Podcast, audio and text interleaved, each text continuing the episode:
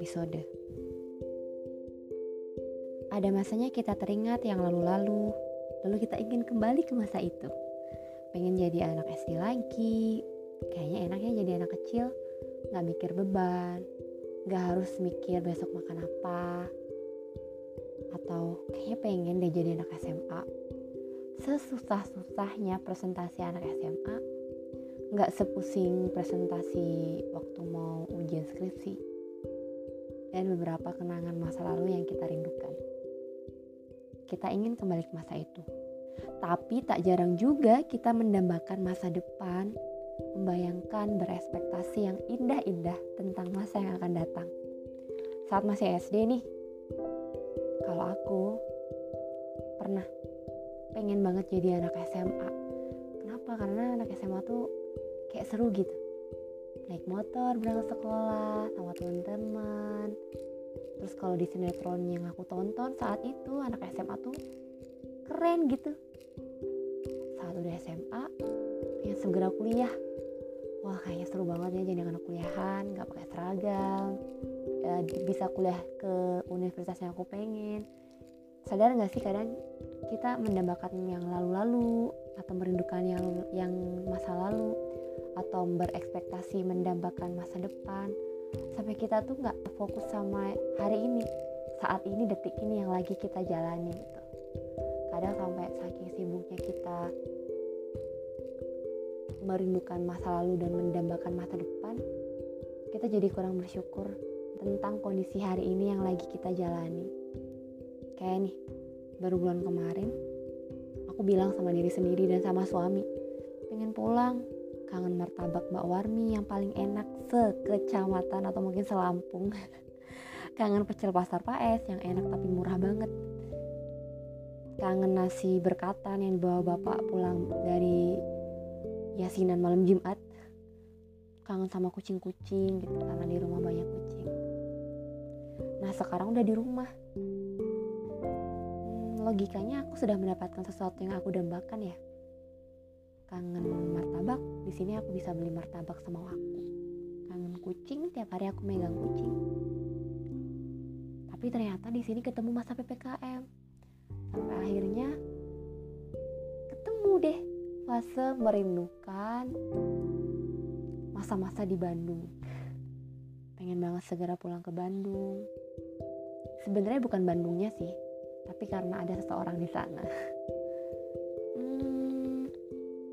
hal itu kerinduan itu kadang bikin kurang bersyukur. Jadi jadi yang awalnya seharusnya kita bersyukur nih karena mendapatkan yang kita inginkan. Pengen dekat sama orang tua pengen makan martabak tadi sudah tercapai di fase ini gitu. Tapi karena kita rindu yang lagi nggak ada sama kita akhirnya kita ngeluh.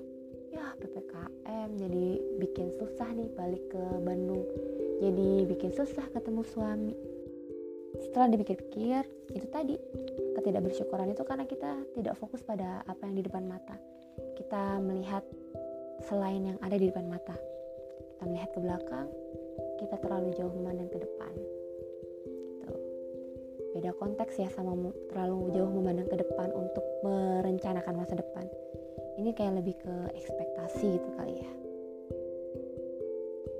Ya setelah dipikir-pikir itu tadi jadi mulai bermuasabah gitu ya. Situasi yang tidak mendukung itu ternyata adalah hmm, kesempatan untuk kita menikmati dan mensyukuri apa yang ada di depan mata. Dari situ sih aku nyimpulin sebenarnya saat sesuatu yang tidak mendukung menurut kita sebuah situasi yang tidak mendukung itu seharusnya uh, menjadikan kita sadar bahwa tugas kita pada setiap episode yang kita jalani adalah itu tadi menikmati dan mensyukuri. Dinikmati disyukuri gitu. Karena sesusah-susahnya hari ini akan kita rindukan di masa depan. Seenggak enaknya di rumah sekarang ya akan kita rindukan di masa depan. Gitu. Kenapa harus disyukur dan dinikmati? Itu karena karena biar gak terlalu banyak penyesalan di masa depan gitu. Kenapa ada penyesalan? Kayak misal nih. Kalau misalkan kita lagi di rumah ah bukan kita aku nih sekarang lagi di fase di rumah gini banyak ngeluh aja ya Allah aku pengen balik pokoknya aku mau balik ke Bandung besok besok pokoknya besok mau balik ke Bandung biar ketemu suami gitu. Nanti di Bandung ketemu fase kangen rumah. Itu akan ada rasanya nyesel ya ampun kemarin di rumah seharusnya bisa lama karena ppkm gitu tapi karena aku nggak sabar aku nggak syukur aku nggak menikmati jadinya cuma sebentar. Nah sekarang kangen kan gitu.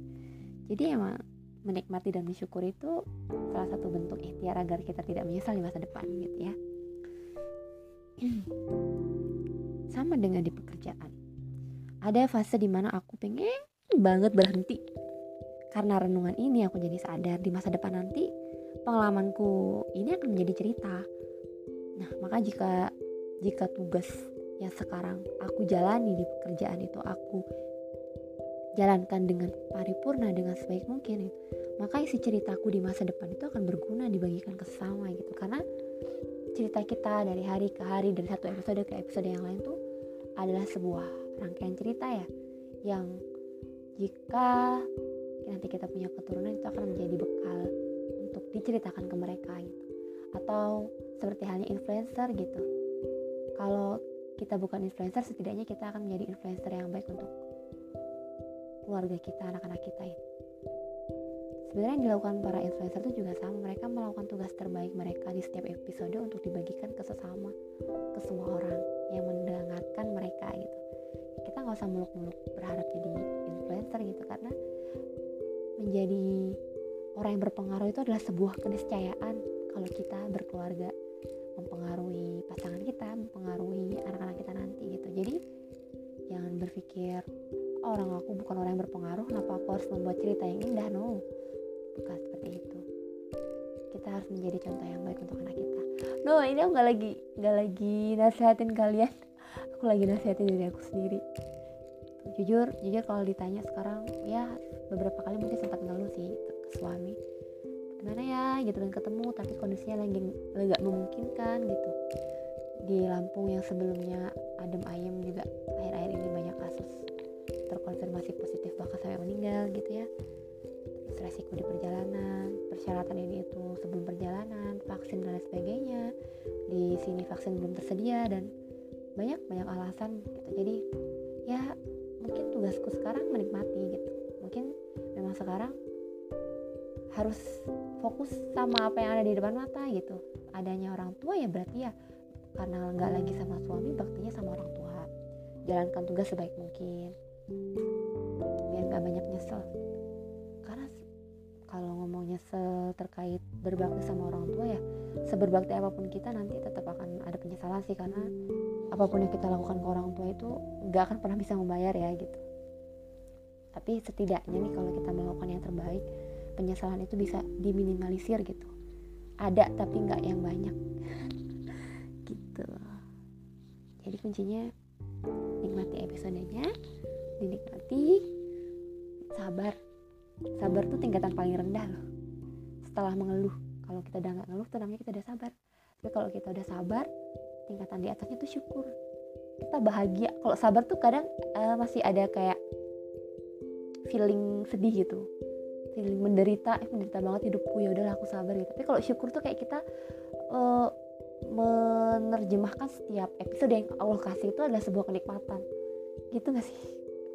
Ya sekarang aku di rumah tinggal sama orang tua adalah sebuah kenikmatan gitu.